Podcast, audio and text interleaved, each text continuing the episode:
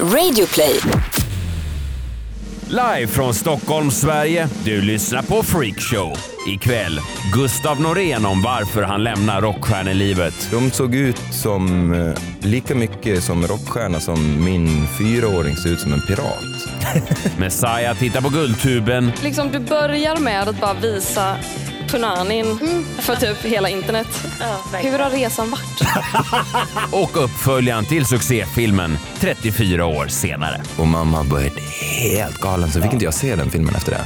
Hon trodde att det var, du hade blivit så här, liksom, Videovåldsskadad. videovåldsskadad. Ja, men det, där hade hon ju en ganska bra case faktiskt. Det är ännu en fredag. Jag heter Messiah Hallberg och lyssnar på Freakshow. En rektaltermometer rakt upp i den ändtarmsöppning som är svensk nöjes och underhållningsindustri. Eh, Jakob Ökvist, hej. Mm. Hej, jag sitter här och imponeras av din glittriga tiger-t-shirt. Tack. Jag, jag försökte klä mig lite rock'n'roll idag för att vi har en gäst som... Eh, Andas rock'n'roll. ja, men det tycker jag. Ja, det tycker Sveriges kanske enda rockstjärna. Välkommen hit Gustav Norén. Ja, tack. Eh, Jag är ju absolut inte rockstjärna. Förstör inte det här nu. Eh, Förstör inte det här nu. Jag är ju en, eh, en jättesnäll Ja. eh, fembarnspappa som gärna vill bli lärare. Jag förstår. Fast så kunde jag inte klä mig. Nej. Alltså, nej. Det hade varit svårare att hitta den stilen. Sådana stora glasögon och... eh, Men på riktigt fem barn alltså? Ja. Nu, blir jag på, nu blir jag väldigt imponerad. Ja, eller hur? Ja. Men, men kan vi bara, men jättekul att du är här Gustav. Vi känner ju inte varandra, men däremot så kramades vi nu när vi sågs. För att jag har ju lyssnat på, på dig och din musik i många år. Och eh, du har ju lyssnat på lite podcast och sånt där som jag har gjort. Så att det var ju lite mysigt ändå att ses. Det känns som att vi, det känns som att vi eh, kände varandra lite grann. Ja, jag tycker att ehm, vi känner varandra på ett sätt. Jag har lyssnat på Geniförklarat och eh, tyckte väldigt mycket om det och eh, jag vet att du har lyssnat på Mando. Så, Mm. så att eh, känna varandra Säg, sådär fysiskt, det har vi inte gjort förrän idag. Men, Ja, det var mysigt. ja, det var kommer vi inte göra i framtiden ändå. Då kommer vi alla sitta med VR-glasögon och känna varandra online. Ja, vad skönt. Ja, vad, vad mysigt vi kommer få det. Vet du vad, jag satt och läste eh, senaste numret av tidningen Café, deras VM-special här. Ah. och i Ja, slutet... du läser tidningar alltså? Ja visst. Okej. Fysiska Pappers. tidningar. Ja, ja, visst. Ah. Ja, jag är lite old school. Eh, och då jag, mot slutet här så har de något som heter Ur arkivet. Ja. Och det är här från Café för fem år sedan. Och titta, titta, titta vilka som vi hittar här. Men vad fina. Ja. Gud. Vad har du där? 2013. Oj, oj, oj. Mando Diao. Det är ju du, du Gustav och eh, Björn Mando Diao i juli 2013. Vad, vad händer här? Mando gör du inte längre. Liksom är du, eh, men du gör musik och sådär, men vad är, vad, vad är statusen för Gustav Norén 2018, fem år senare? Eh, nej men jag, eh, jag, jag kommer inte faktiskt ihåg hur många år jag inte har spelat i Mando, men jag tror att jag gled, jag slutade först i Mando mentalt.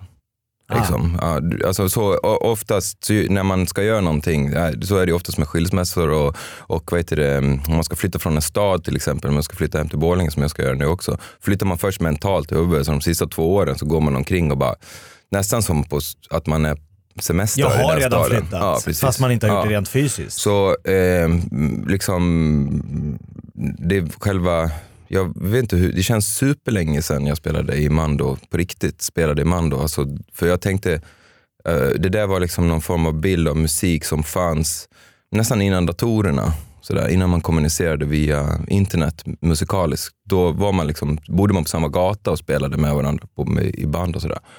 Och eh, då, så det var ett sätt att det var ett sätt att spela musikaliskt. Liksom. Men det var också för att jag läste tidningar också som jag betedde mig på det sättet. Jag slutade läsa, när jag slutade läsa tidningar så ändrade jag all, hela mitt sätt att vara. Men menar du att du, att du fick en, en bild av hur en, en, eh, man skulle bete sig när man spelar ett band?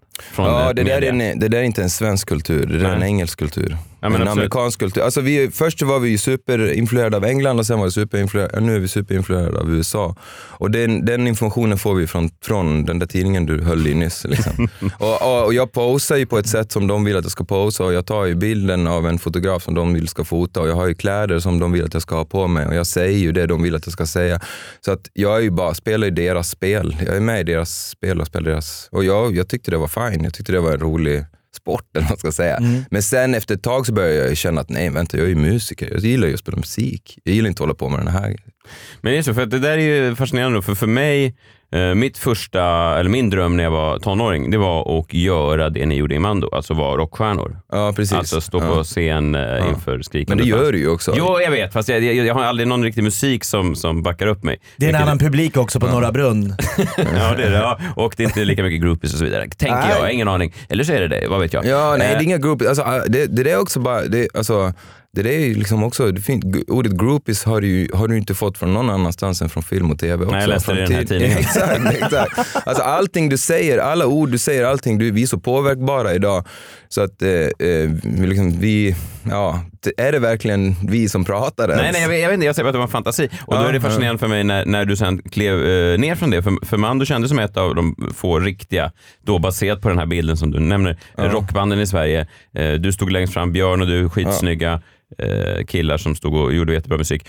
Och sen då så kliver du ner från det och det som jag antar är fascinerande för mig då är att man har den där ideala fantasibilden och sen tar man ett steg tillbaka och säger nej det där var inget för mig. Eller vad, vad, Alltså, Ja, verkligen. Och, och det är bara en illusion som du måste, du måste liksom bli nykter först. Så Mm. här, för, för att fatta. Liksom. Så när du är nykter då ser du också alla andra människor som är fulla. Också. Så att man efter ett tag så man, alltså, det är ju en illusion att det är coolt. Det är ju inte coolt. Det, det, alltså, jag, när jag stod och kollade på de här, äh, alla, du vet vi, var ju bara, vi umgicks ju bara med inom citationstecken rockstjärnor. Liksom. Ja, och se liksom, för de läser ju tidningar och vill ju bli som idoler liksom, och så typ leker de en lek och så klär de ut. Ja, men du, alla rockstjärnor som jag såg runt omkring mig, de såg ut som eh, lika mycket som rockstjärna som min fyraåring ser ut som en pirat. När han sätter på sig ett, eh, ett öga och, och kommer och skrämmer mig så här. Och då när, när han kommer in i rummet sådär och, och, och låtsas vara pirat, då, då, då blir jag så här: Åh, hjälp! En pirat kommer! Åh! Springer och låtsas liksom. Och det är den leken som, som vi gör nu med, med liksom stjärnor. Alltså, när de kommer in i rummet, då bara Wow! En rockstjärna! Och you, en pirat! Sådär. Ja. Wow. Fast jag det har, blir så oerhört ooriginellt om man liksom bara ska liksom köpa en stil ja. som man tror sig är. Ja, men jag är nog indie-rockare. Ja. Ja. men då ska jag ha den här svarta skinnjackan, jag ska ha de här stuprörsjeansen, jag ska ha den här... Och så blir det så här, men det är, ja, det är, ja, det är piraten, det är Ja. fyraåringen som klär ut sig. Och sen ser man så det här, är halloween. Ja, så, exakt. Och så ser man så här, eh, raggarna i, i Dalarna, så här, de har samma stil som de hade på 50-talet. Så här, ja. Och så ser man mina kompisar från Dalarna, de är skatare fortfarande. Alltså de är de också raggare. Ja, och sen, Stora ja, shorts. Ja, och så kollar man så här co- coola eh, g- killarna på Söder, så här, som så här, de är hiphoppare, vissa av dem. Mm. Förstår du, De har stora kläder och stora, de är hiphop. Alltså de, det, det är verkligen är det, det är som ett Sagan om ringen live. liksom. Jag är Ors, okej. Vi går runt och lajvar. Ja, för du är inte hiphop. Hey yo man, started off from the alley. Hey, chill, nigga, I come from the. Bara, nej, du är från Ulfs... Du är från Märsta. Ja, verkligen. Vad det hände? där låter irriterande på förra Vänta, vänta, vänta, vänta. Ja, verkligen. Ja. Och, och så här, rag on the road in the morning and I see on the light all night. Du har umgåtts med mycket folk som har gått in snabbt i karaktär. Nej men alltså det är så här det är. Ja, Poppersraggare låter Ja, det som. skämtar du? Så här, ah, jag Ja, men det är kommer samma få- med kostymgubbarna på liksom, eh, Stureplan. Alltså, Eh, ja, man köper sig exakt. en bild av vad man tror Exakt, är, det de- här är min lycka, det här är mitt väg Ja. att gå. Och jag säger bara, du hade aldrig gjort det om du inte hade läst tidningar och kollat Nej. på TV. Det finns ju inte en Jävla chans. tidningen, Cafés Ja, men bilaga. lägg ner den där, verkligen. Jag, Ja, ja, Men ja, har, när du säger att du har lagt ner tidningar som café, men har du lagt ner alla former av tidningar? Allt nyhetsintag? Eller Ja, hur, allt. hur Ja. avfjärmar det du från... Nej men inte Det är allt. det är Allt det är roligt att se men, men alltså konsum- man kan konsumera det på olika sätt. Mm. Man kan titta på det som vad är det här för, vad är det här för rolig konstig Charad. pla- en plastblomma eller någonting. Så här. Ja. Men att gå fram till plastblomman och lukta på den. Åh, älskar våren. Alltså då är man ju lite sinnessjuk. Ja, så, det alltså, det är så. bara det som är skillnaden då från förr i tiden när jag slog upp eh, DN och tänkte nu ska vi se vad som händer i världen. Men Fast det, vänta, det kan vänta. man väl göra ändå. Vänta, okej, Ja. okej, då är bara min fråga så här. Ja. Vad händer i världen just nu, Messiah? Ja, jag, jag, jag, Ganska mycket va? Ja, ganska mycket. Ja. Mm. Just nu alltså? Ja. Exakt Säkert just nu. jättemycket. Säkert jättemycket. Vi vet inte, vi sitter ju i en poddstudio. Jag skulle Ja. gissa på miljarder grejer händer Oj, världen. jösses Eller nästan triljarder grejer händer i världen just nu. Ja. Tar du med universum Ja, eller men bara vad ska, jordklot? vad, ska vi, vad ska vi ha med då i den här lilla tidningen? Liksom så här? Vad ska vi ha med av allting Det som händer? säljer. Exakt. Ja. Ja. Exakt. Ja. Så, så om du läser DN och tänker att det är det här som händer i världen, då luktar du på en plastblomma och säger jag älskar våren. Messiah. Jag har aldrig tänkt på så. Jag hade tänkt så. Okej då, om jag, om jag återgår, det är en intressant teori. Om jag återgår till mannen snabbt då. Menar du att, eh, utan att peka några fingrar, var de andra kvar i eh, den piratlucken eh, längre än vad du var? Stod du bredvid ett gäng pirater? Nej, jag var ju chefpiraten. Du hade till och med papegoja på axeln. Verkligen. Men, men, men jag menar piratbandet finns ju då kvar. Utan Nej men alltså, chefpirater. nej, men alltså Skeppet jag, gick ju vidare. Ja, men alltså, eh, alltså illusionen i populärkultur sitter inte i banden utan i, egentligen i publiken. Liksom. Så att vi, alltså, och jag tycker det, alltså jag köper ju lek, jag älskar ju lek. Jag älskar att leka pirat, jag leker pirat hela tiden. Och sådär. Men jag älskar också att spela musik. Så när, när det blir så här, nej du får inte spela musik för du ska, ha, du ska leka pirat nu. Så då blev det lite så här, men är jag en, liksom en piratillusionist eller är jag en, en, en musiker?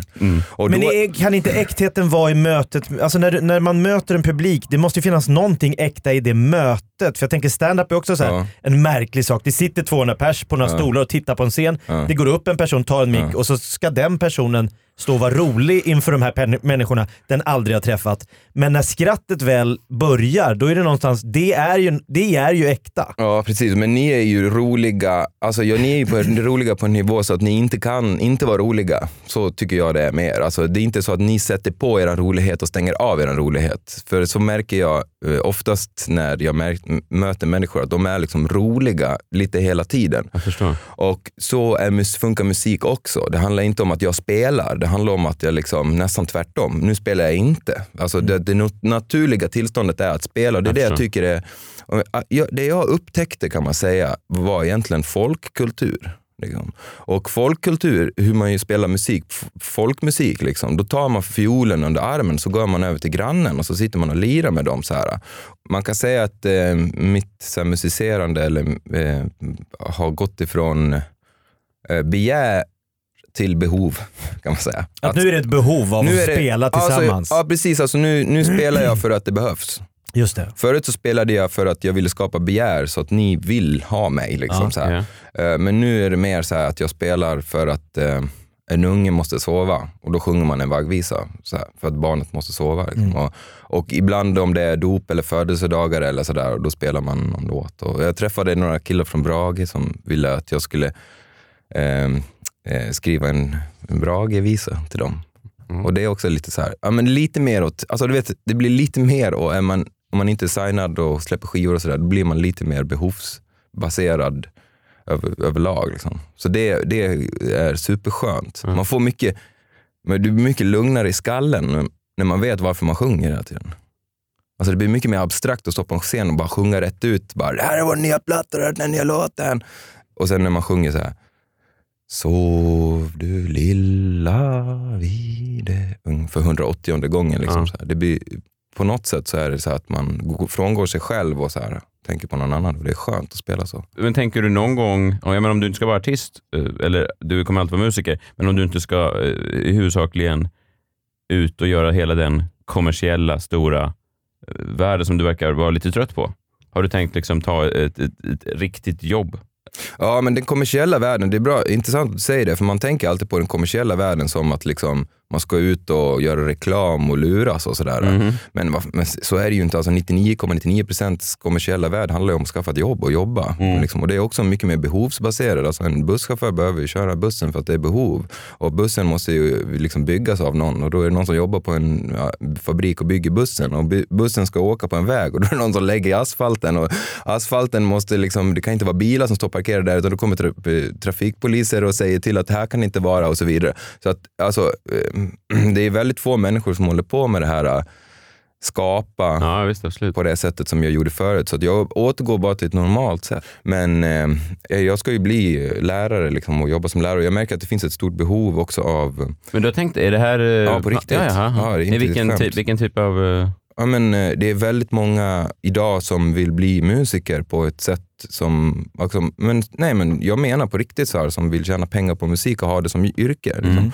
Och då kan man antingen så kan man ju mm, öva på sin fiol liksom, 12 timmar om dagen i, i 10 år och få jobb på en eh, så här, akademi, eh, Malmö symfoniorkester. Liksom sådär. Det är ju en ekonomi då som finns. Och så finns artisteri där man skriver låtar och producerar låtar och sådär. Och jag har ju många års erfarenhet av det. Liksom. Mm. Och jag förkastar inte den världen. Det är inte det. Det är bara det att jag, jag känner att jag behöver göra någonting för att liksom kunna spela igen med glädje. Mm, på det sättet som du säger. Mm. Och då mm, så tycker jag att det är rimligt. Nu är jag nästan som en skomakare, jag jobbar i 15 år och sen eh, ha, bara ta in en lärling. Liksom. Det är mm. inget konstigt. Fortsätta att jobba som skomakare naturligtvis, men, men samtidigt lära upp någon. Liksom. Så att lite mer så. 50 procent kommer jag skriva låtar och sjunga och spela och dansa och löjla mig. Och, och 50 procent kommer jag lära ut.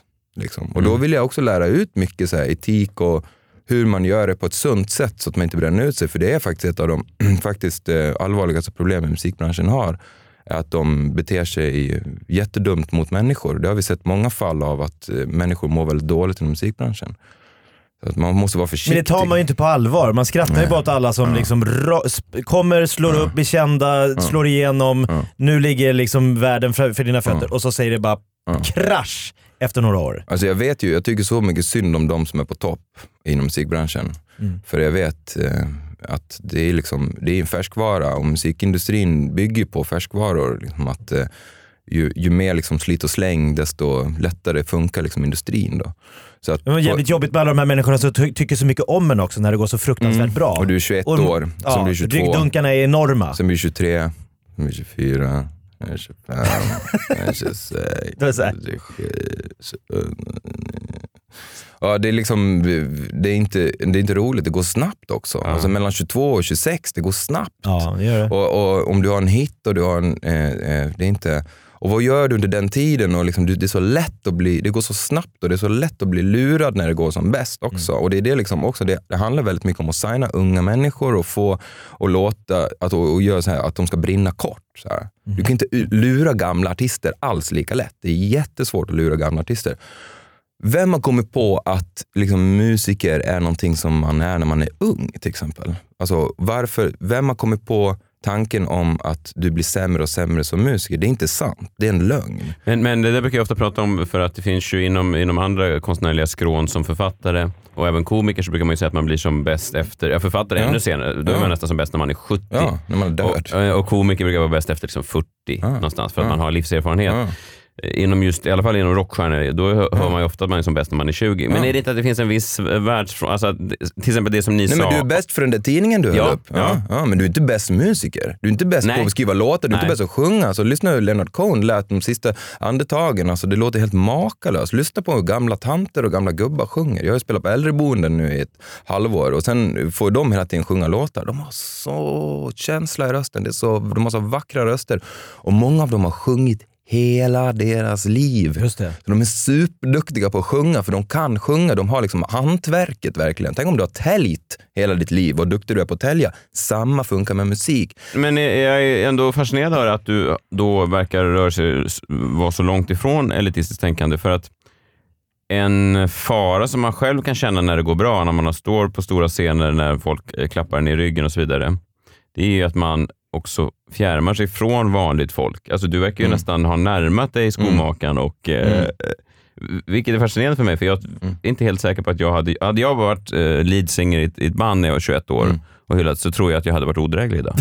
helt Mer vad jag är idag. Ja, men helt det låter otroligt, ja. men det ska gå. men, men, jag... men, men, du verkar ju då ha, och det är väl någon slags eh, heder i det? Ja, men alltså jag, jag, vet, jag vet också, jag vet inte, det kan vara slumpen också. Det kan vara massa olika detaljer att göra. Ja, jag förstår, men, men, men fanns det inte också stunder när du gick helt upp i det? Alltså det måste ju funnits stunder när du stod på de här stora grejerna och tänkte fuck, jag är hemma, jo, jag är framme. Men, jo, men, men jag liknar det alltid med, med liksom en knarkare eller en alkoholist liksom, i sin fylla. Liksom. Att det är klart att man, att man är lycklig i sin fylla men samtidigt fattar man att det här är liksom artificiell lycka, det här är inte bra. Liksom. Och Det som jag hela tiden märkte också, det var hur nervös jag var innan och hur konstigt jag mådde efter. Alltså de där känslorna innan var så här, Ska man må så här illa liksom när, man, när man gör någonting? Ska, det vara, ska man ha sån här ångest? Varför mår jag dåligt? Är det inte någon kraft i mig som på riktigt varnar mig just nu? Jag tror att nervositet är liksom ett, nej men vänta nu. nu, nu, nu tar du lite väl mycket utrymme i samhället. Liksom. Och, och, och din kropp vet om det och varnar dig för att liksom, mm, kliva upp på piedestal. För att det är inte bra liksom, för samhället. Alltså det som händer på en festival, det är inte bra. Liksom. Det, det, det, det, nej, jag Det jag ser det det väl som vara? ett farligt... Nej, nej, ja det kan vara det. Eller Men det för kan vara of, publiken, man står där och tänker, jag har hittat en gud. Är inte det bra? Nej, nöd, inte nödvändigtvis. för mig, bara så här, för det första, bort med scenerna. Ja. Alltså, det finns ingen anledning till scenerna. Bort med scenerna, bort med, med eh, vad heter det, staketen. Liksom. Ja, absolut. De bara skapar problem. Liksom. Bort med scenerna, bort med staketen, bort med backstageområdena och för fan, bort med artisterna. Fast, fast, fast, nu men alltså, låter det väldigt riktigt, lite som en festival. Det blir inget kvar av Nej, festivalen. exakt. Nej, Du men menar bort alltså, festivaler? Är det nej, men alltså varför ska... Nej, Varför, festivalerna ska vara kvar. Men bara allt det där, bajamajorna får vara kvar också. Det, Men du kan ju inte ha festival där du tar bort scenerna, stängslet, publiken och artisterna. Backstageområdet. Och backstageområdet. det där VIP-guld för backstageområdet då, vill du ha kvar det? Just det där lilla De liksom. där kabanorna på Summerburst där folk Ja. sitter, de kvar. ja, för, för de, den härskande kungaeliten. Ja. Nej men vad menar du då? Var- Varför ska allt bort? Eh, jo, men bara för att alla, eh, nej men för att vi kan spela musik. Alla vi tre kan spela musik. Vi skulle kunna ha en Nej det fest. kan jag faktiskt inte. Ja, men det är det jag, du läser den där tidningen. Alltså, Ja, Står det kaféet med sina handlar är totalt Ja, det omusikaliskt. står det faktiskt. Nej, det står, det, alltså så här, det står att någon annan är musikalisk Ja. i den där tidningen. Ja. Det står inte att du är omusikalisk, det står att någon annan är musikalisk. Ja. Och när jag säger, alltså det är det som folk hela tiden missuppfattar, men vi hyllar ju svensk musik, vi hyllar ju youtubers och så har vi en gala så här. Nej, ni hyllar, alltså om jag, om jag går fram till ett gäng tjejer och så säger jag till en av dem så här, du är snyggast.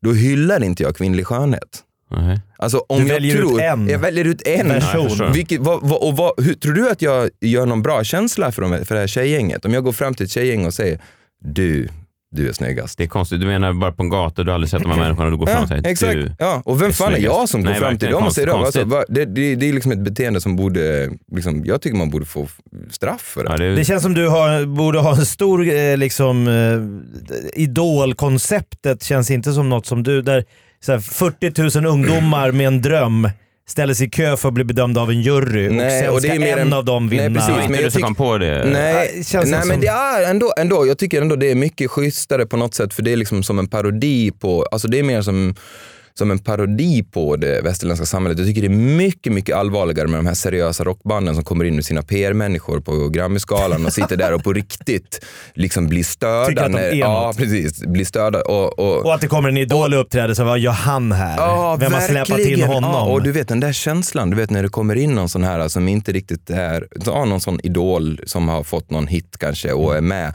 på, liksom, på nåder där på Grammisgalan och kanske fått någon utmärkelse via publikens pris eller något sånt där. Och de är jätteglada för att vara här ikväll och det är jättekul och det är så häftigt att vara med de här. Och så ser man de här coola killarna som bara mm. Åh, så kommer Vem har släpat hit Darin? Ja, ja, exakt, exakt. Och Darin är så tacksam för att vara där och så Ja. Och så ser man. Ödmjuk.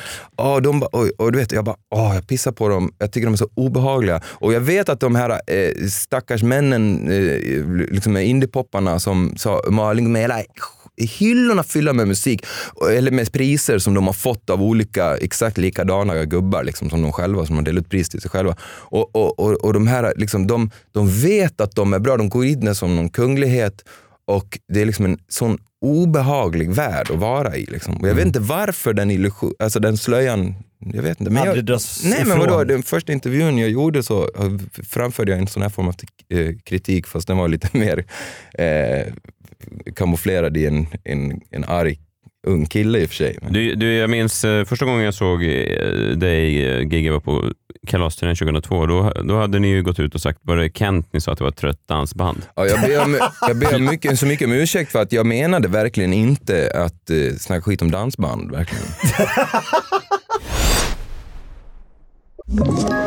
Ett poddtips från Podplay. I fallen jag aldrig glömmer djupdyker Hasse Aro i arbetet bakom några av Sveriges mest uppseendeväckande brottsutredningar. Går vi in med hemlig telefonavlyssning och, och då upplever vi att vi får en total förändring av hans beteende. Vad är det som händer nu? Vem är det som läcker?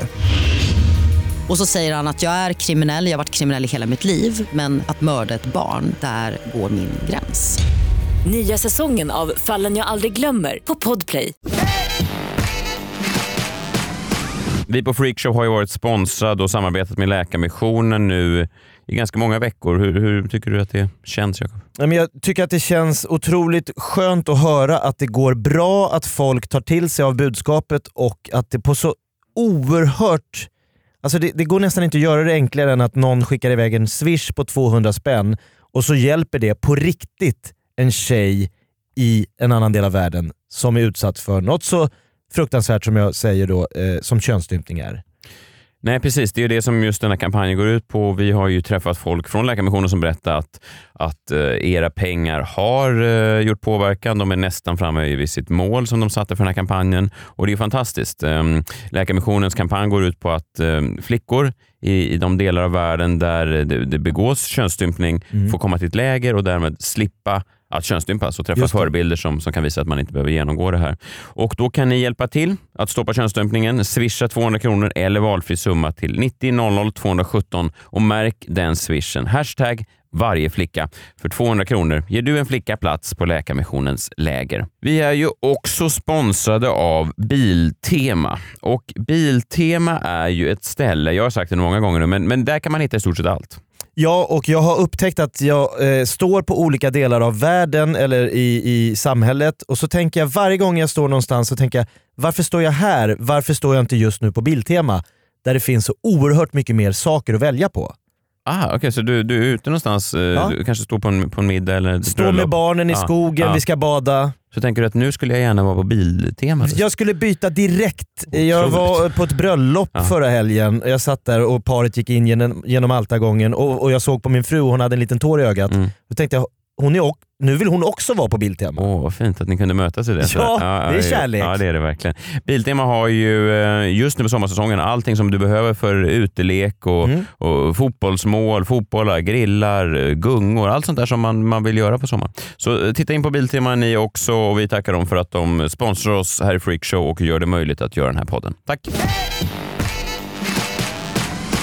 Nej men det är intressant då, för jag tänkte prata lite om uh, guldtuben. Jag går ju i, precis börjat gå i anger management, uh, sån ilsketerapi ja. och då var jag där förra veckan och då sa min terapeut att uh, inom KBT så är det bra att närma sig det som gör en vansinnig. Ja. Har du någonting som kommer dyka upp den här närmsta veckan som du tänker undvika, som kan göra dig förbannad? Så, ja, det finns det här galan som, som de delar ut till olika sådana youtubers. Som du har pissat på i, i flera år nu ja, faktiskt? Ja, det kan ha hänt. Men, men så, så, så, den vill jag absolut inte vara en del av. Så den ska du, gå, ah. den ska du titta på. Ja. Så nu har jag tittat igenom hela galan.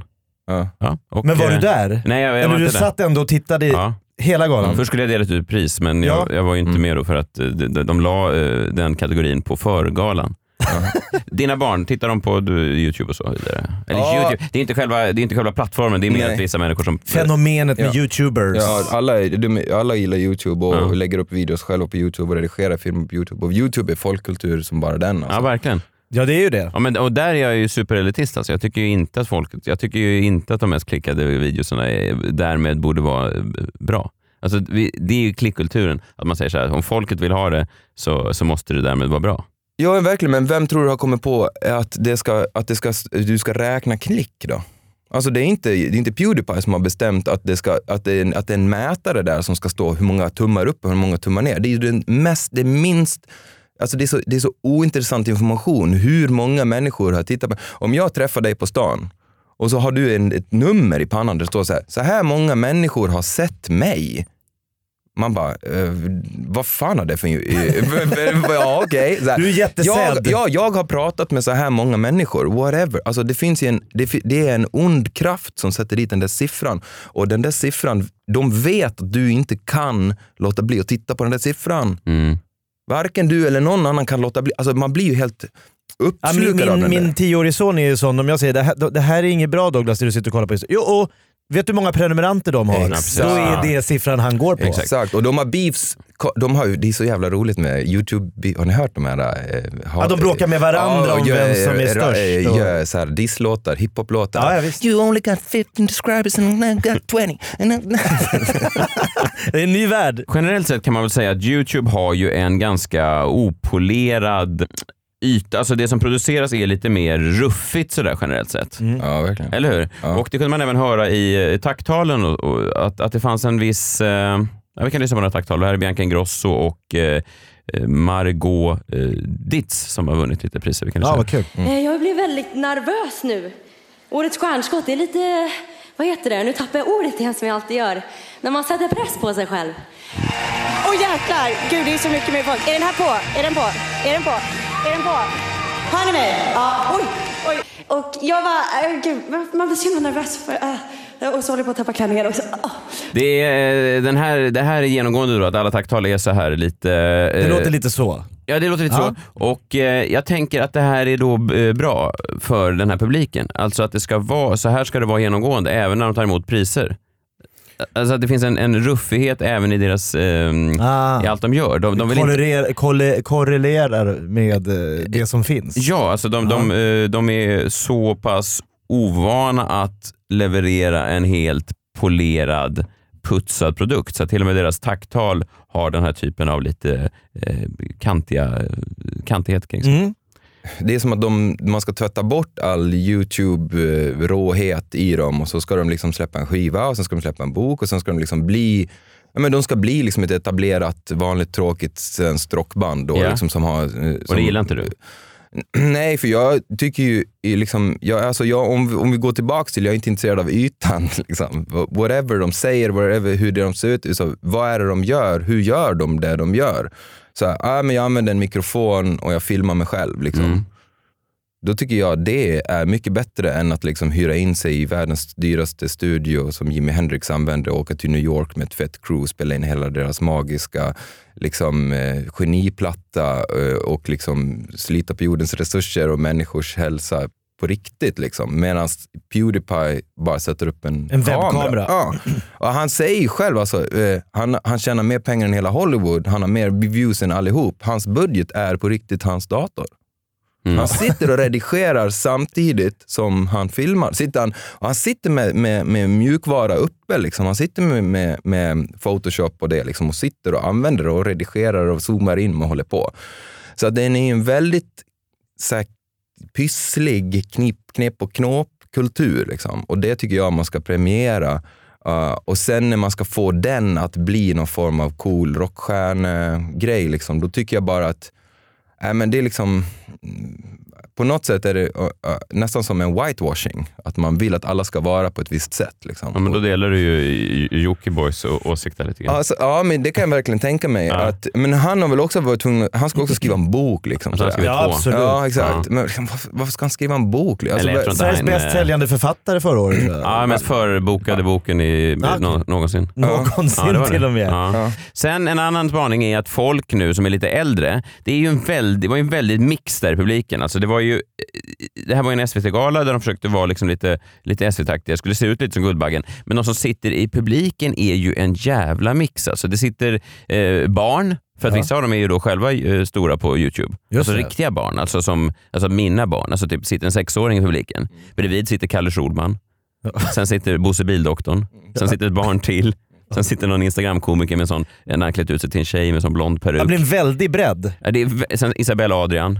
Ja. Nej men det är Bosse Bildoktorn. Ja, jag tror du sa Ja. han. Ja, var han det- där det- på riktigt? Alltså? Ja, han var där. Det var en sån jävla märklig eh, Det mix. helt underbart. Jag är bara var- van vid så här, sura indiepoppar i skinnjackor som sitter Ja, och du hatar hade ju varandra. verkligen njutit där. Ja, jag hör att Gustav Det är delar en inte Bosse. Bildoktor och, en, jag, och jag märker ju också, eh, jag, på riktigt jag börjar Ja. känna så här, varför gör ni inte musik? De, då, alltså, jag hade älskat att ha haft en Bosse Bildoktor och en sexåring på, liksom på riktigt som hade musicerat och sjungit och dansat också. Liksom. Ja, jag hör att du, du behöver inte anger management som jag gör. Nej. Eh, de är positiva. Inte Det för de frågorna. Nej, bra. Eh, och det som då är intressant är att när det kommer in en äldre människa, alltså någon som är över sju år, de framstår som Ja. sådana enorma fossiler. Ja. Alltså såna, eh, Alexander Karim var där, en skådespelare. Eh, han ska vara med i Stjärnorna på slottet i år. det. Han är 42 år. Han kommer in och måste... Vi kan väl lyssna hur det lät när han Ja. kom in.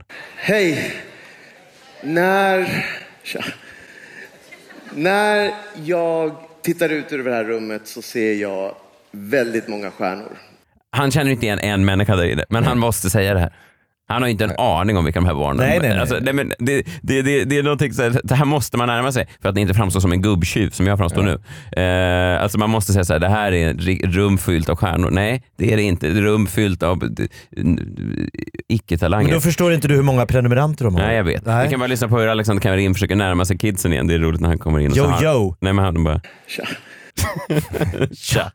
Men alltså, jag, jag, jag, jag, jag lider ju med dem, alltså med de som går upp där på scenen också. Ah. Och jag vet ju också liksom att det sitter det, det där, den där jobbiga känslan som de har i sig ändå, liksom, den här obehagliga känslan, den sitter ju inte i dem. Den sitter ju i kamerorna och i spotlighten och i, i liksom skriptan och i själva idén bakom det där också. Så jag vill försöka liksom att verkligen eh, och liksom på riktigt gör, dra ner brallorna på dem som, som styr det e- eventet. För det är de som sätter de här människorna i situationer som, alltså det går inte att vara ball i den där situationen. Alltså det går inte att vara, behålla någon heder eller något sånt där. Och det är det som är poängen också. Vår kultur idag går ju ut på att skratta åt. Liksom. Ja. Så att det, det, det, det blir ju en ekonomi i sig. Och så hatar man på de här liksom, kändisbarnen då, liksom, så Just här, det. som är så jävla töntiga och inte kan någonting och, så här, och såna här meningslösa Varför arbe- tittar folk på det här? Ja, söndertatuerade som- arbetarklassungar så här, som kommer ut, nyss liksom, har slutat tagit schack och försöker liksom, få bättring på tillvaron och så här, och som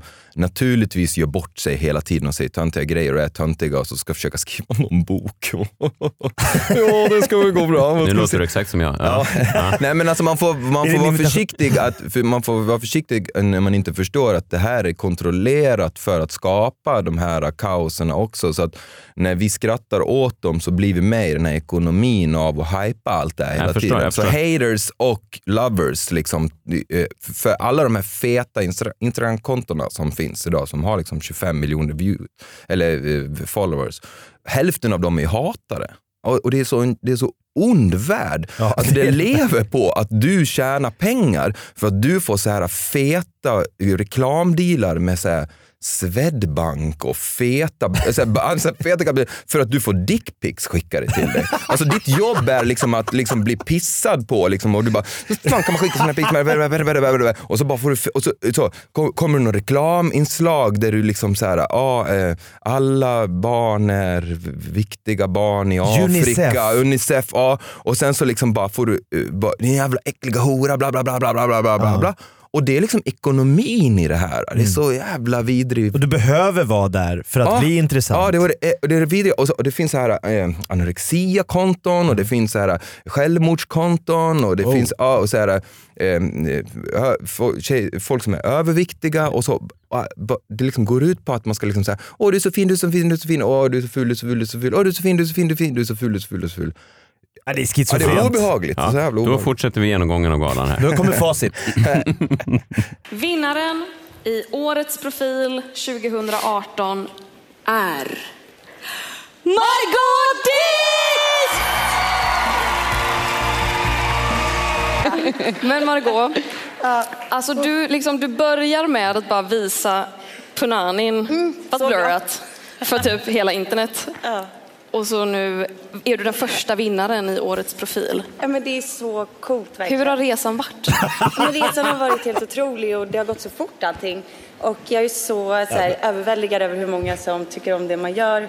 Eh, Och här var jag tvungen att klippa Ja. för då klippte de till Daniel Paris i publiken som tittade på Margot som om han bevittnade Oprah Winfreys tal på Golden Globe. Alltså det var en Han sån satt och grät. Ja, det var, Ja, det var men det är stort. fint. Eh, Och eh, absolut Gustav, man ska inte håna folk, absolut inte. Men det man kan ibland se på sånt här och tänka folk måste liksom ta det här på sånt jävla stort allvar allting som händer i den här eh, Youtube-världen nu för att, ja, men just för att inte framstå som någon slags mossiga eh, fossiler. Mm, det finns en rädsla att framstå som en dinosaurie. Exakt så, så som, som jag gärna framstår. Ja. Och, eh, Står, drar en lans för. Ja, jag, jag är någon slags triceratops här i medielandskapet. Och, eh, nej men, och det här bara förstärks då. Dagen efter Guldtuben får jag eh, Dagens Nyheter i brevlådan som jag kör den då, old school på papper.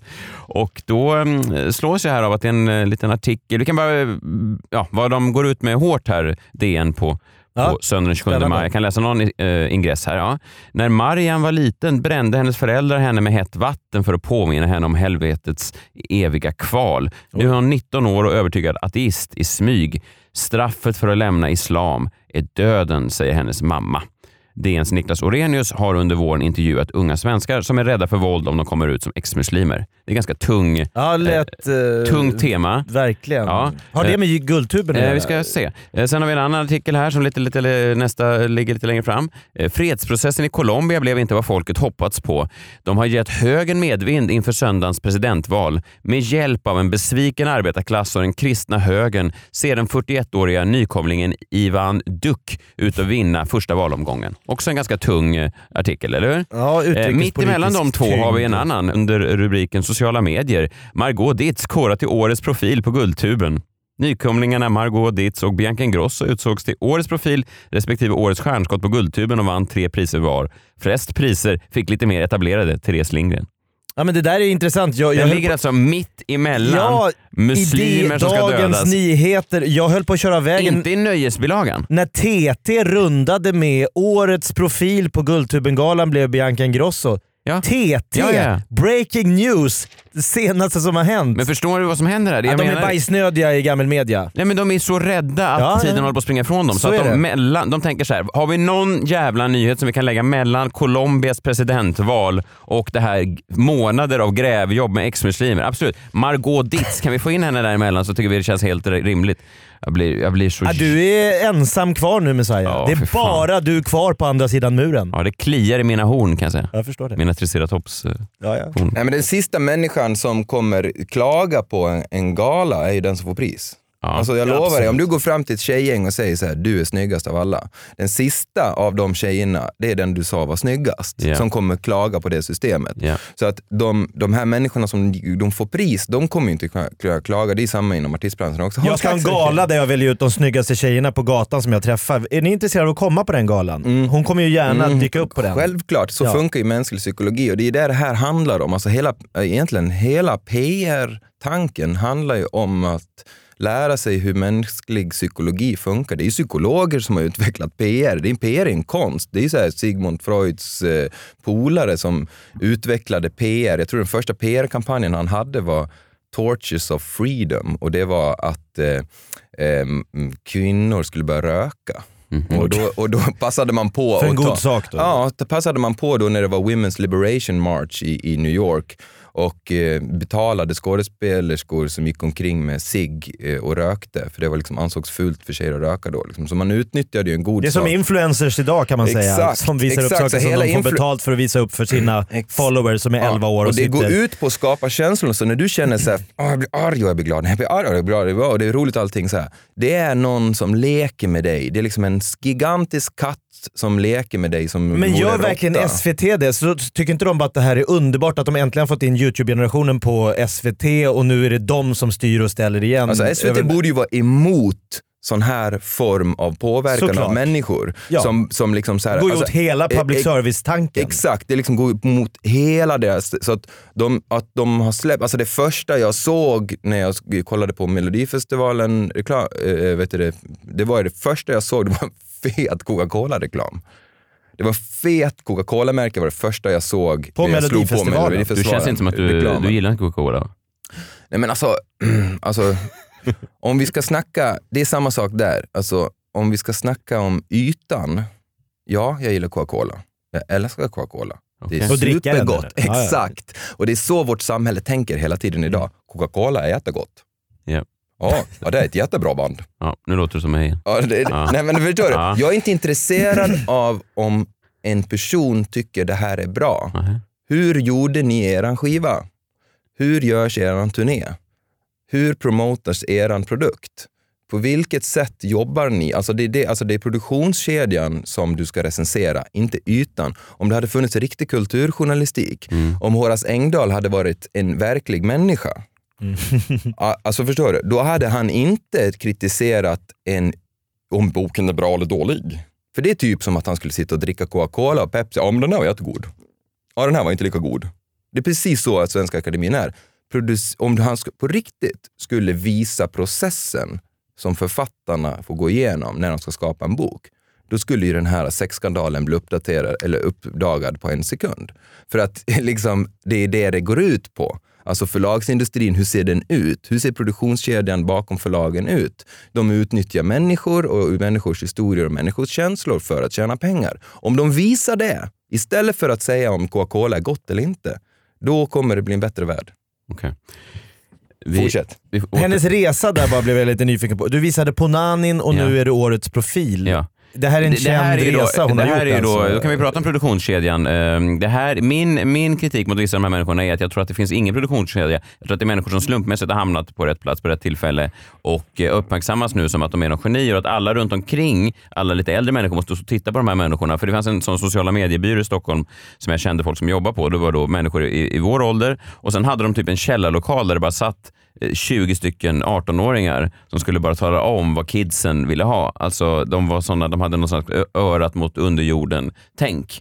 En sån Fritzl-källare där det bara satt såna influencers i, i, och bara kom Samma igen nu ålder kids, ungefär med och, och då tog man dem på sånt allvar. Jag, jag fick en, eh, det var någon som gjorde en sån, eh, Instagram-analys av mitt konto för några eh, månader sedan. Oj. Inte jag betalade inte för det här, men mitt, mitt management. Och så sa, kom det tillbaka och då var det en sån sociala medier-expert som bara Gjorde du ett bra jobb? Det här är produktionskedja. Det här är intressant information.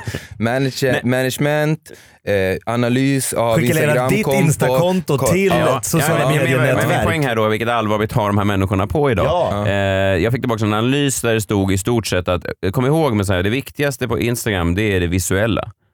Det var det här som fakturan. Alltså det var 20 000 kanske? 25 000? Det jag menar är att vi tar det här på ett väldigt allvar och jag tror inte att det finns så mycket intressant i en produktionskedja kring mycket av de här sociala medier. Det fanns intressanta, nu när jag såg hela galan, fanns intressanta aspekter eller bra eh, budskap om man ska säga. Det fanns någon Men får jag bara fråga, svarade du den här äh, sociala medier-experten som recenserade ditt konto? Det där kunde en apa ha sagt till mig. Jag tänkte det men jag sa det inte. Det är bra. Nej. Eh, det var en, en, en eh, transperson som hyllades, en, en ung tjej som var född i fel kropp, eh, som bodde i Trelleborg och var någon slags eh, då förebild för transpersoner. över hela. Hon, fick, eh, hon fick pris. Någon tjej, Nathalie, 16 år, som mobbades i nio år. Nu har hon miljoner följare. Hon vann årets Musical.ly.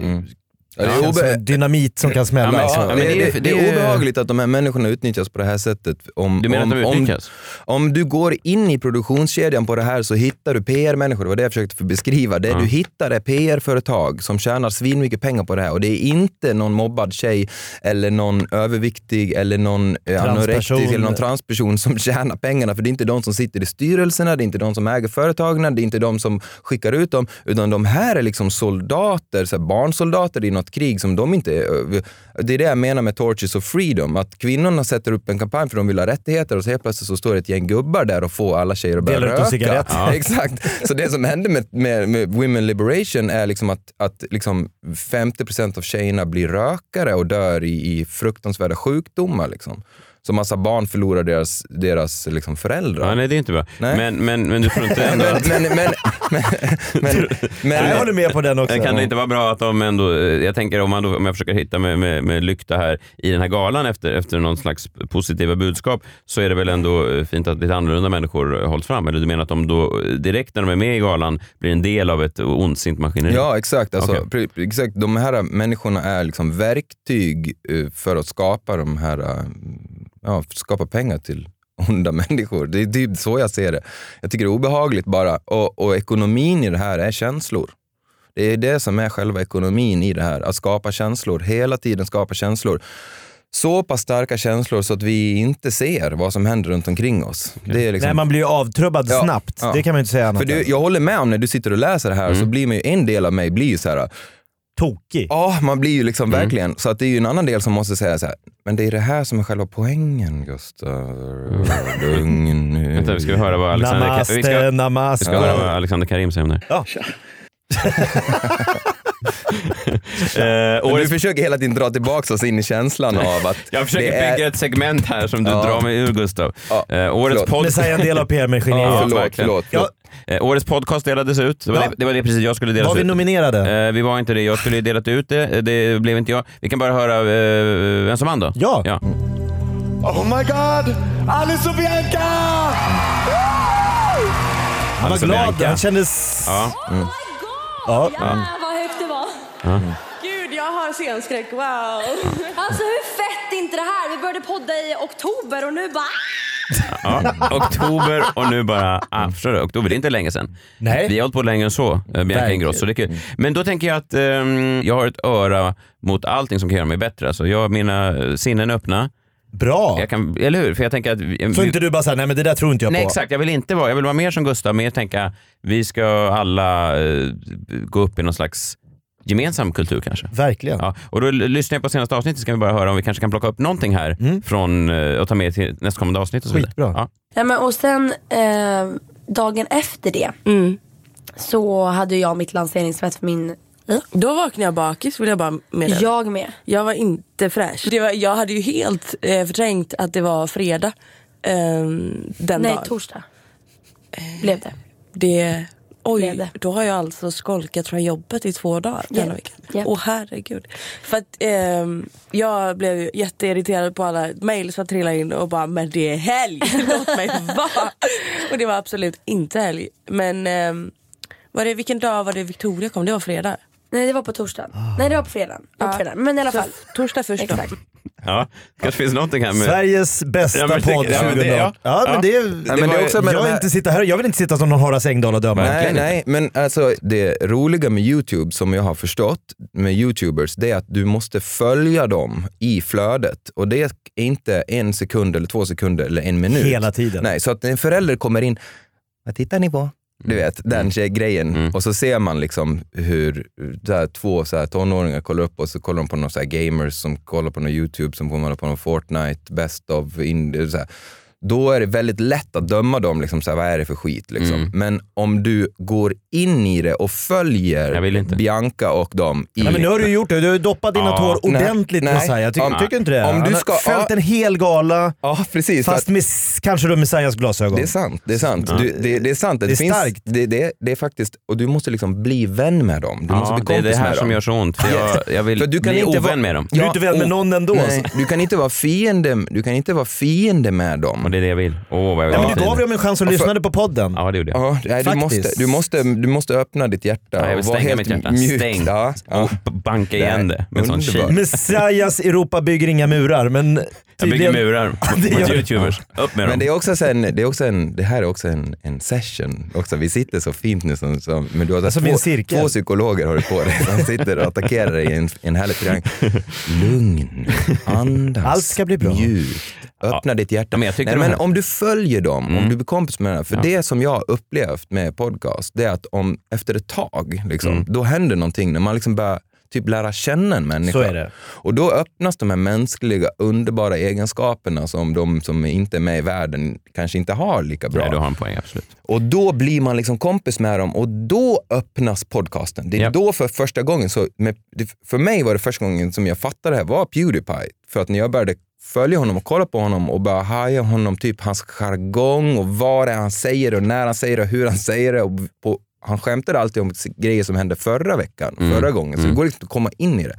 Och det är inte, det är inte, eh, det är inte supercoola, eh, jättenobelpristagande klassiker som de producerar. Nej. Det är lika inom musiken så finns det något som inom hiphop kallas för mixtape-kultur, där man bara kör mixtape, mixtape, mixtape och kanske Lil Wayne gör 500 låtar på ett år.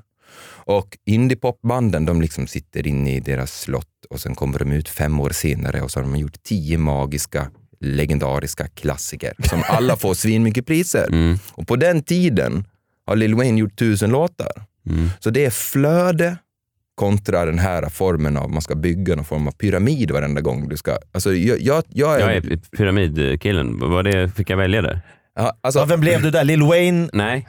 eller faraon? pro- Faraon. Problemet med pyramidkillen, Ja, det pyramid, problemet med pyramidkillen det är att helt plötsligt så står man och, och gör narr av någon stackars mobbad transperson. Nej, det har jag inte gjort. Nej, men alltså jag bara säger det att det, faran med den det Ja, är att den vet. är, den är, eh, pyramiden är liksom formad hierarkiskt Ja. på ett sätt så att man liksom eh, är dum mot eh, eh, vad ska man säga, arbetarna i fabriken eller Ja. vad man ska säga. Alltså det, det kan vara pro- problemet med Absolut. den. Medan den här liksom flödet då liksom har en inte lika stor eh, fokus på ytan då. Nej. Den producerar inga mästerverk. Nej.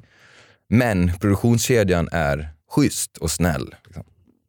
Ja, det där är två olika världar. Ja, jag vet ja. att det är två olika Ja. världar och jag är med dig. Jag är med dig för att jag har också läst tidningar i hela mitt liv och jag har blivit liksom indoktrinerad i den här pyramidkulturen Mm. där, där det ska vara liksom Ja, men, alltså, tänk på hur typ Knausgård skriver en bok. Han Mm. låser in sig i ett rum Ja. där han betalar liksom en, en månadskostnad. Han betalar alltså ty- typ tusentals kronor i månaden för att få sitta i ett rum och skriva tusentals eh, sidor Mm.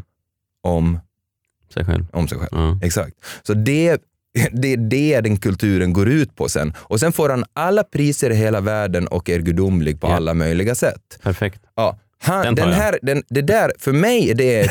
ett Skriv upp mig. Ja, nej, men för Sign dig, me up on jag that håller med. side. Ja, men för Coca-Cola är gott. Ja, och Knausgård är bra, det är inte Nu det jag säger. det finns andra läskdrycker också. Exakt, men jag bara säger det att det, att det är gott.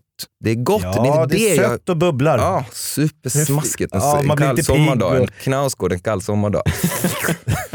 Dricka. Knausgård. Men kolla, fråga hans familj, fråga hans barn, fråga hans fru, fråga hans dam, fråga Han hans är, han, är, han är skild nu. Jaha, ja. men produktionskedjan, jag menar produktionskedjan, alltså på, på riktigt, alltså, hur ser den ut? Hur Ja. funkar världen på riktigt? Men är inte den produktionskedjan Knausgård mer intressant än eh, bloggerskan som drar ut en eh, café? Det roliga är att den här, blogg, den här bloggerskan är liksom en mycket godare och mm, liksom, vet du, vad ska man säga, kristen, Jesuslik, eh, för, liksom snäll, Nu ger du Bianca Ingrosso öppenhjärtig. väldigt mycket cred. tycker Ja, men, men eh, hon är, 2018 års Jesus-gestalt. Nej, men det på det sättet hon jobbar på är liksom ett öppenhjärtligt system i alla fall. Och Mm. den här bygger på makt, strukturer eh, liksom, och den här leder till våldtäkter. Nej, på vänta riktigt. nu. Jag sa bara att jag tyckte om det han skrev. Det du håller på med Messiah. Nej, det står jag inte bakom. Hashtag metoo på Messiah där va? Ja, och, och, och, och liksom vad... vad ja, Nej, jag, jag, jag fattar vad du Ja, menar. det- Jag, tycker att eh, den här Knausgård-kulturen, jag ser den som ett födelsemärke som ser lite läskigt ut. ja. Mm. Ja. Alltså jag skulle gå till läkaren och kolla på det där födelsemärket ja, och eventuellt kanske den här läkaren Lasra säger... bort. Ja, faktiskt. Ja, det är möjligt att min sån terapeut gör. Det är det jag gör nu. Så Ja, det är intressant. Ja. Eh, Och det är ju ont. Och få ta bort dem? Ja. Ja, det kan du mycket väl Ja, göra. det kan bli ett R också i dig. Men, Ja. men Ja, nu man kör får- vi. Själsligt. Ja, vi får se vad, vad, vad, vad vi landar i. Eh, någonting som de återkom till i alla fall, för hela det här var första gången som den sändes i SVT-galan. Just det. Och det, de, många som var på scen återkom till gång på gång var att nu får ni i Sverige äntligen se eh, internet. Alltså nu förstår ni. Vi kan bara, Hur stort det är? ja, men ni kan bara, vi, här är några, Ja, det, det var tiotal Ja, gånger. fan, det här är det värsta jag vet. Men icke att förglömma nu är att vi har en helt ny publik med oss, nämligen TV-tittarna. Välkomna! Och till alla där ute, det här är internet, välkomna! Ja, så jubel och applåder. Eh, alltså att eh, det, det, nu, för alla ni i stugorna där ute i Sverige, nu har ni internet. Det här finns i många eh, kulturyttringar nu, man, man ser det i USA och så vidare, att, att, att eh, branscherna säger så här, ja det här är en ny typ av fans, det här är ju internetfans. Alltså som att det, det Alltså som att det är 1998. Ja. Alla har väl internet? Det är en konstig särskiljning. som att De här fotbollsfansen, de är såna internet. De kollar på fotboll på internet. Det är en annan typ Men av fotbollsfan. galet. Ja, eh, men det här är ju då något som lever väldigt tydligt här för att nu ska då Märta i, i, i Bergshamra få se vad som, vad som händer med internet. Men det finns ju annat på internet än den här skiten. Ja, det gör det. Jag menar, det är inte som att internet har väl använts till massa saker, fantastiska utvecklingar för mänskligheten. Det är ju inte bara att Bianca Ingrosso Nej, det är har en faktiskt, podcast. det, och där har du också eh, någonting, för att YouTube handlar ju inte om de här feta, Pewdiepie och eh, liksom Ninja och, och Bi- Bianca Ingrosso. Det handlar ju inte om dem, utan det handlar om de här miljarderna klippen som ligger där. Det är det här myllret som är YouTubes charm och från början så var det ju de här, alltså de 300 visningar, 1000 visningar, alltså sådana. Det är ju det som gjorde YouTube och det är det som jag blir så förbannad på hela tiden för att alltså eh, all den här pyramid, eh, hyperkapitalistiska Knausgårdkulturen, den bygger ju på folkkultur. Alltså det, själva grunden är ju folkkultur. Alltså det första sättet du lär dig spela, det är ju att någon står och sitter bredvid dig. Du har en storebrorsa som kunde. Exakt! Liksom, det är riktig folkkultur. Och, och det är samma med YouTube. Det bygger på såna här eh, små eh, ungar som lägger upp videos och gör, klipper det själva och det är liksom skevt och det är konstigt. Och det blir superskärmigt och så brrr, så är det en produkt. Och det problemet är att hela tiden, att, vad ska jag, SVT där, ska de göra det Nej, till det är produkt? ju- Alltså det är så vidrigt. Varför Släpp inte S- varför är inte SVT bara YouTube? Varför är inte SVT... För alla. Exakt. En SVT ska vara där alla kan lägga upp videos. Det ska inte vara att vi bestämmer vilka videos som är bra nog. Det som jag sitter och tänker på eh, när jag ser den här galan också är att det är lite som att man skulle ta en kamera, gå in på Kiviks marknad på 70-talet i de här olika tälten och säga så här, kolla här, här är vår tids mest begåvade. Här, här, eh, det här tältet, filma det här nu, här knullas det. Är ett riktigt par som knullar på scen. Här är Ja. skäggiga damen. Ja, här är, skäggiga damen. här, här är någon som föder på scen. Ta, ta, ta, hon är en jävla begåvning. Man ser vaginan. Ge henne ett årets profilpris. Det är det, här, det är det här som jag tycker är intressant. Och då kan man ju, absolut man kan prata om att det är kul med folk som lägger ut grejer och så vidare. Och det är det. Men det blir ju, jag, elitisten i mig tänker ju så här. Okej, de tilltalar barn, men det måste också finnas barn som sitter och tittar på det här och tänker så här, vad är det för skit? Ge mig någonting som är intellektuellt stimulerande. Ge mig någonting som är genomarbetat, som är, som är eh, professionellt framtaget av någon som har någon slags begåvning och en, en vision. Eh, som min dotter till exempel, när hon eh, kom förbi och så, jag satt och tittade på Guldtuben då för att göra det här jobbet som jag försökte ta mig igenom, trots att Gustav stannade mig hela tiden, så jag har ändå tagit mig igenom eh, spaningen och min dotter satt och sa, vad tittar du på? Så här, Guldtuben satt hon ner en minut och sen så, hon är tio år, så sa hon så här, men pappa stäng av den här skiten nu. Titta på. Jag vill titta på Babel, sa. Babel. Herregud, det är ännu värre. Och det hade jag tänkt ha som utgång eh, på det här sjoket och lite skratt från dig och så hade vi lagt på vignetten. Om det sen inte visar sig att kameran pannar över över Guldtuben-publiken och så sitter hon där, Babels programledare Jessica Jedin, längst fram. Jag blir tokig. Jag blir Jag sa ju vansinnig. det. Jag sa ju det.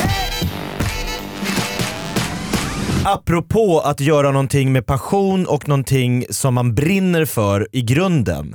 Och det här är nästan helt sjukt för det här kopplar med allt vi har pratat om. okej. Eh, det är tre killar som fastnade för filmen Karate Kid som kom 1984. Ja. Eh, 84 kom Karate Kid, om den här unga killen som flyttar till eh, Kalifornien.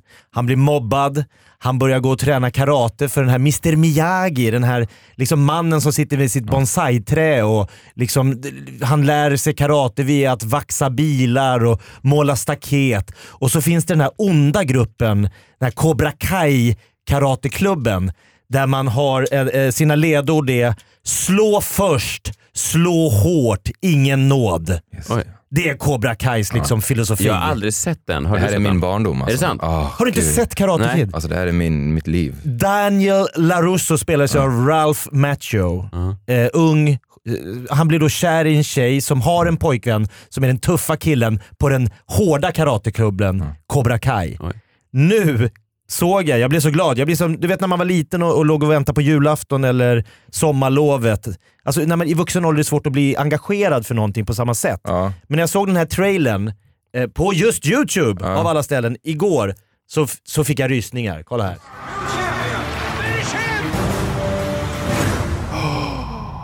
Vad är det? Han gör trana. En uppföljare? Åh gud. Det är Johnny på, da- på golvet, han som blir nedslagen av Daniel. Jaha.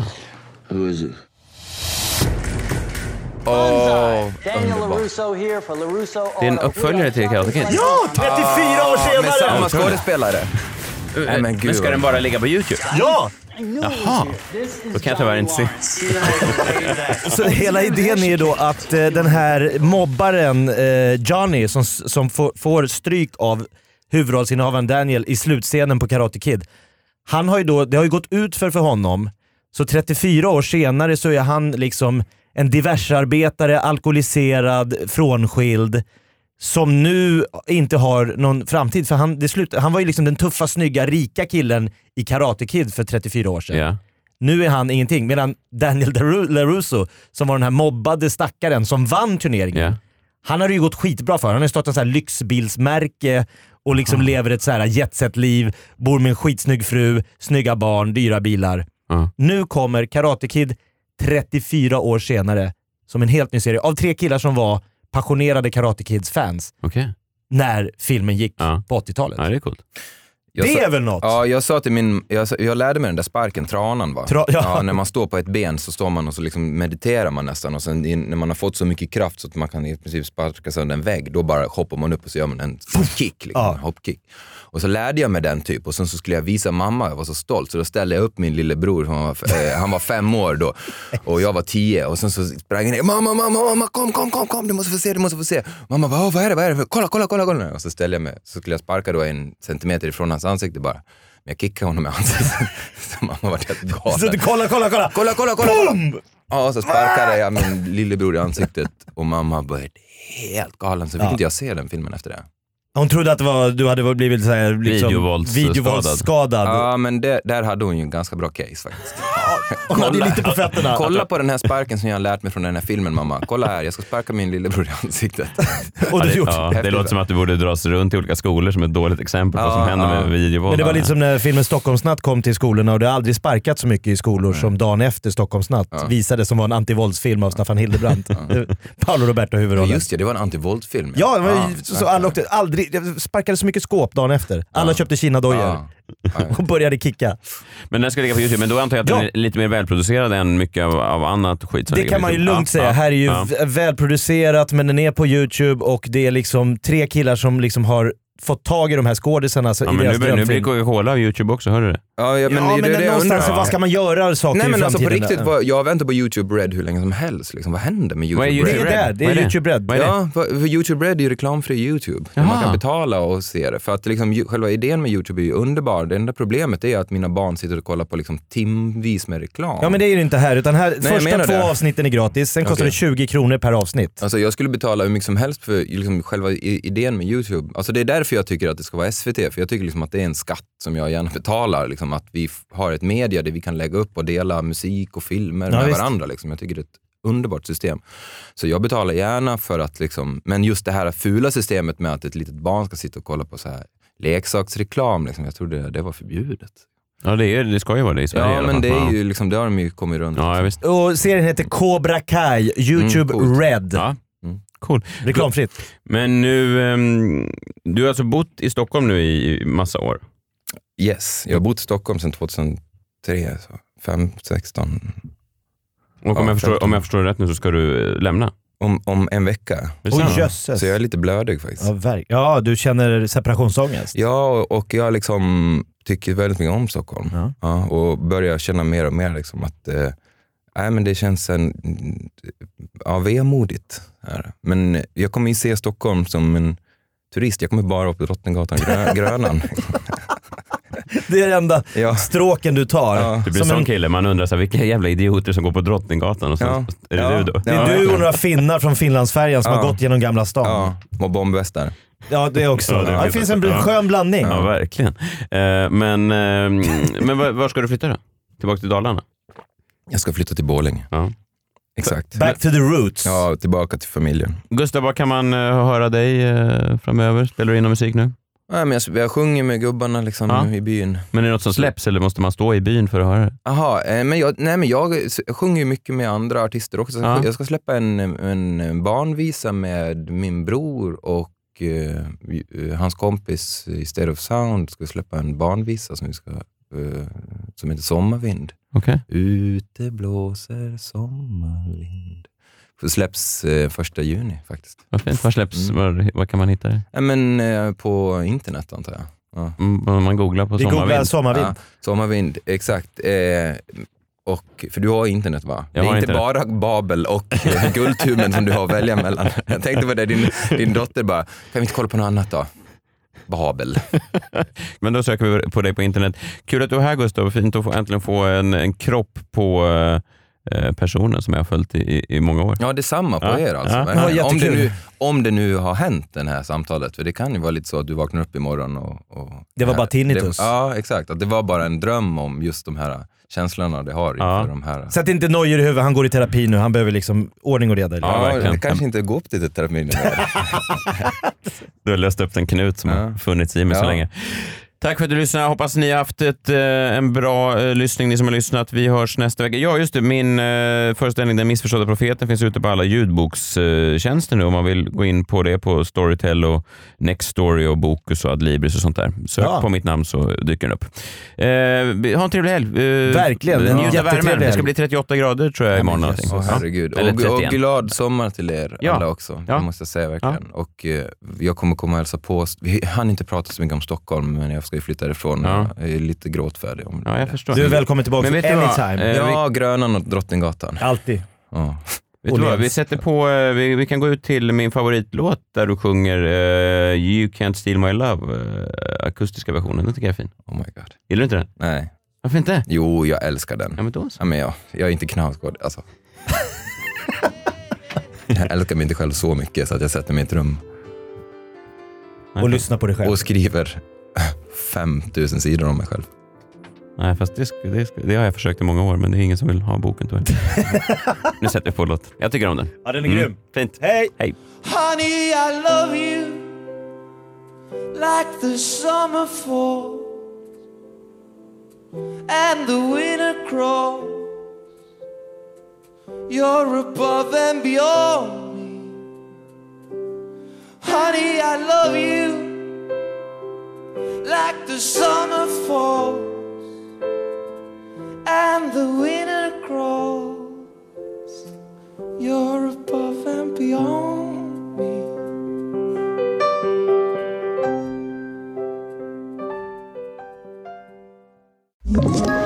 Ett poddtips från Podplay. I fallen jag aldrig glömmer djupdyker Hasse Aro i arbetet bakom några av Sveriges mest uppseendeväckande brottsutredningar. Går vi in med hemlig telefonavlyssning och, och då upplever vi att vi får en total förändring av hans beteende. Vad är det som händer nu? Vem är det som läcker? Och så säger han att jag är kriminell, jag har varit kriminell i hela mitt liv men att mörda ett barn, där går min gräns. Nya säsongen av Fallen jag aldrig glömmer på Podplay.